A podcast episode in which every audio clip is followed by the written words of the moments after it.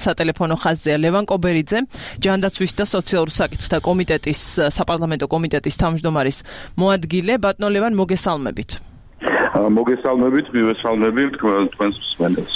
ძალიან დიდი მადლობა გადაცემაში მონაწილეობისთვის. ბატონო ლევან, მინდა დავიწყო თავდაპირველად კონკრეტული ამბით და არა ზოგადად ნარკოპოლიტიკაზე საუბრით და იმაზე საუბრით თუ რა ცვლილებები მზადდება ახლა.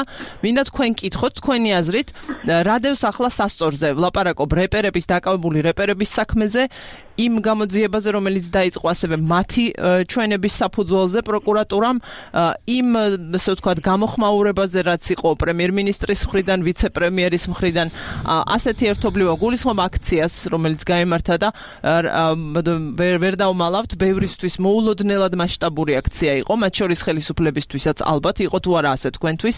ამ ყველაფერზე მინდა რომ ბრძანოთ თავდაპირველად.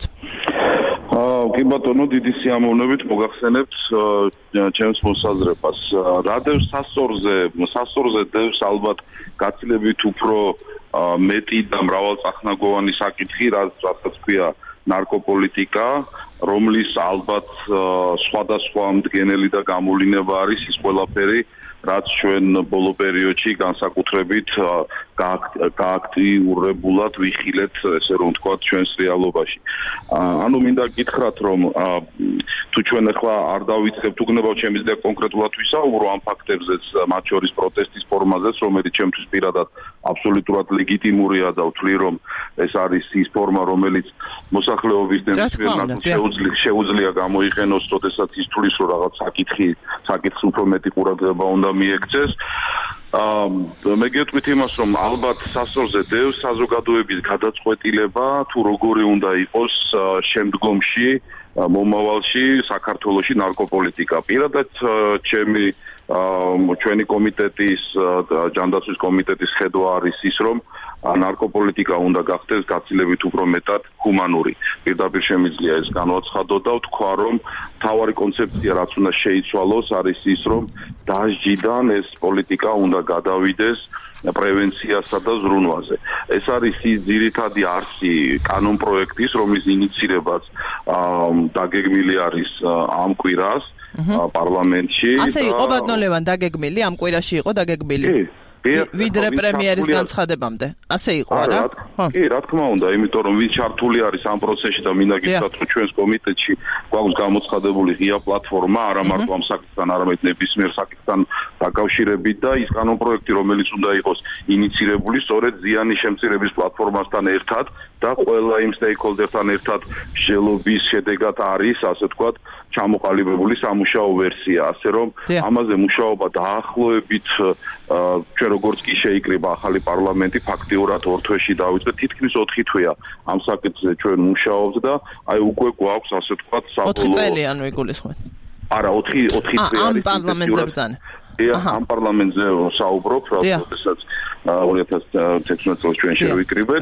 და შესაბამისად აი ეს კანონპროექტი ფაქტობრივად უკვე ინიცირებისათვის მზად არის, იმისათვის არის მზად რომ გამოვიდეს კიდევ ერთხელ საზოგადოების პარტო ჯელობისათვის.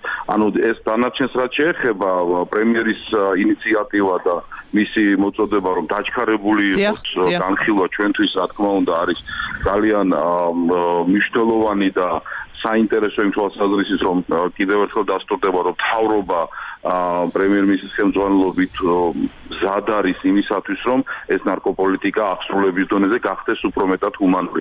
ჩვენ როგორც პარლამენტი რომელსაც პოლიტიკა უნდა განსაზღვროს ამ საკითხთან დაკავშირებით ინთავითვე უყურებთ ამ საკითხს რომ უნდა იყოს ჰუმანური. ჩვენ ჯანდაცვის კომიტეტის ხრიდან ამ საკითხს ვაყენებთ იმდენად ამდენადაც და თხოვთ თხოვთ ხოლმე კომუნიკაციაში ყველას მოუწოდებთ რომ ეს საკითხი არ დავიდეს მხოლოდ იმის განხილვამდე კარგია თუ ცუდია მარიხუანის მოწევა და ასე შემდეგ. იმიტომ რომ თვითონ ის ადამიანების ვინ შეიმინ შეიკრიბნენ მოედანზე ინდრა კუშინცინ ხო პროტესტის ნიშნად საუბრობენ ჩვენ მათ ძალიან კარგად ვიცნობ ძალიან ხშირად გვაქვს ხოლმე შეხვედრები პირადად ვიცნობ ამ ადამიანების საკმაოდ დიდ ნაწილს და ზუსტად ვიცი რომ ისინი შეკრებილები არიან ხოლმე და გამოთქვამენ პროტესტ არა იმაზე რომ ვინმე ნარკოტიკებზე აღიაროს რომ რაღაცა კარგია თუ ცუდია შეთანხმებული ვართ ყველა რომ ეს არის ცუდი აქ არის საუბარი უბრალოდ იმაზე თუ როგორი იქნება ნარკოპოლიტიკა. ერთის ხრივ და მეორეს ხრივ ჩვენ კიდევ უფრო ფართოდ და უფრო ასე ვთქვათ უფრო მნიშვნელოვან თემას ვწერთ ჯანდაცვის კომიტეტი რატომ არის ასე ვთქვათ მთავარი კომიტეტი იმიტომ რომ ეს ეხება ადამიანების ჯანმრთელობას. თუ ჩვენ გვინდა რომ საქართველოში ცეჰეპატიტი, შიცი, სხვა ინფექციური დაავადებები იყოს დამარცხებული და დავიდეს მინიმუმამდე, ამისათვის არის აუცილებელი სწორედ ჰუმანური ნარკოპოლიტიკა. ბანოლევან პრემიერ-მინისტრმა რადგან განცხადებას შევეხეთ უკვე პრემიერ-მინისტრმა მოგმართა თხოვნით პარლამენტს რომ დაჩქარდეს ამ საკითხზე მუშაობა ლაპარაკია ნარკოპოლიტიკის კანონმდებლობის ლიბერალიზაციაზე და მან დააკონკრეტა რომ რათა საშემოდგომო სესიისთვის მაინც მოვასწროთ სახეცვლილი ჰუმანური და ევროპული სტანდარტების შესაბამისი კანონის მიღებაო. ასევე კითხავთ იყო თუ არა დაგეგმილი ის რომ ეს პროცესი საკანონმდებლო ცვლილებები ყოფილიყო დასრულებული სწორედ სწორედ საშემოდგომო სესიისთვის. აა ჩვენ და გაითვალისწინებთ თუ არა პრემიერის ჩვენი გეგმა სწორედ ამ ტაიმლაინით იყო განსაზღვრული და ჩვენ იმედი გქონდა რომ სწორედ საშა ეხლა შევკაკეთებოდა ინიციატივა და ძალიან დიდი იმედი გქონდა რომ საშემოდგომო სესიის ბოლოსკენ იქნებოდა დასრულებული თუმცა პრემიერის განცხადება ამ ჩვენს მოსაზრებას კიდევ უფრო მეტად ამყარებს და ვიმედოვნებ რომ კიდევ უფრო მეტად დააჩქარებს პროცესებს კლიანობაში. იმიტომ თქვენ შეგიძლიათ თვითონ ზიანის შემცირების პლატფორმას და იგივე თეცხმაურს და ასე შემდეგ მათთანაც გაიაროთ ეს საკითხი ჩვენ ტაიმლაინთან დაკავშირებით, რადგან ჩვენ სწორედ აი ესეთი გეგმა გქონდა. თუმცა კიდევ ერთხელ ვიმეორებ, ძალიან მნიშვნელოვანია ქვეყნის მეტაურის პოზიცია, გამომდინარე იქიდან, რომ რა თქმა უნდა ეს კიდევ უფრო დააჩქარებს საკითხს. ბადოლევან, ოფილა არაერთი ცვლილება დღემდე მცირე თავის თავად მნიშვნელოვნად შეფასებული ნარკოპოლიტიკის სფეროში, რას შეცვლის? ძალიან მოკლედ რომ ბრძანოთ, რას შეცვლის აი რა არის ჩადებული ამ ახალ კანონ პროექტში, რა რა შეიცვლება?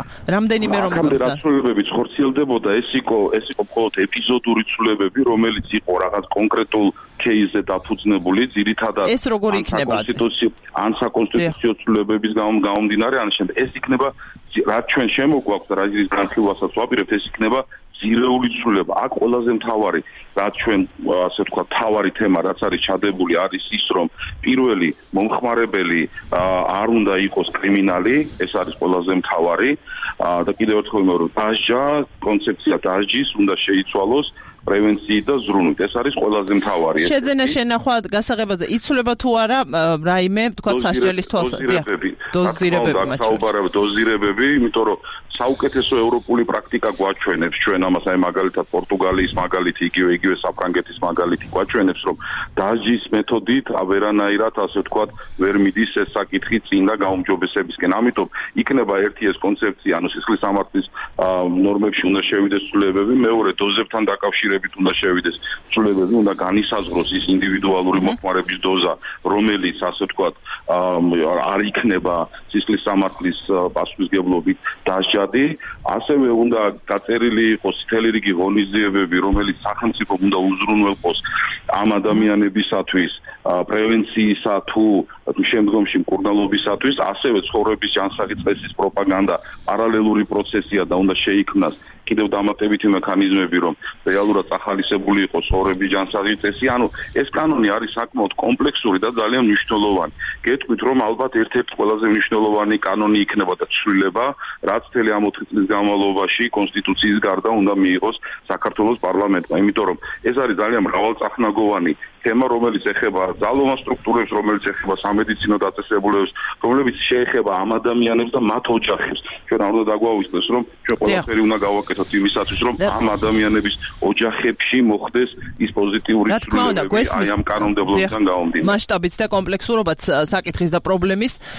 ბანოლევან, მინდა კითხოთ, გარდა იმ ფაქტისა, რომ დააკავეს რეპერები ვუბრუნდების და დასაწყის ჩვენი საუბრის წუთი გაგვრჩება დასრულებამდე უბრალოდ თქვენი პოზიცია მინდა. ლაპარაკი არის იმ იმაზე, რომ თავად ამ დაკავებულთა მიმართ სამართალდამცავებმა სავარაუდოდ ჩაიდინეს დანაშაული და ისინი უდანაშაულოები არიან, მათ ჩაუდეს ნარკოტიკული ნივთიერება.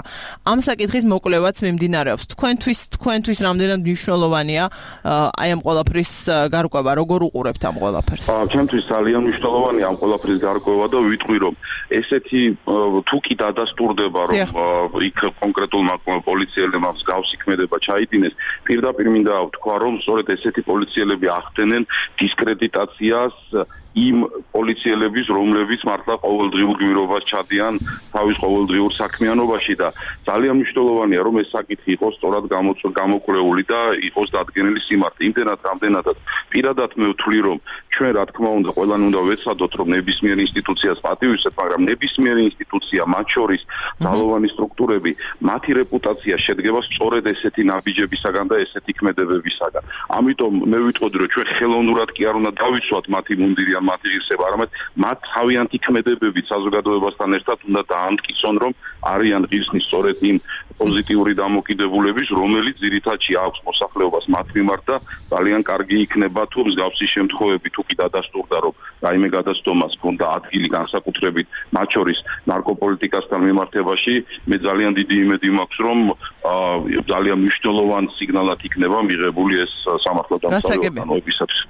დიდი მადლობა, ნოლევან. ლევან კობერიძე, ჯანდაცვის და სოციალურ საკითხთა კომიტეტის თავმჯდომარის მოადგილე იყო სატელეფონო ხაზზე.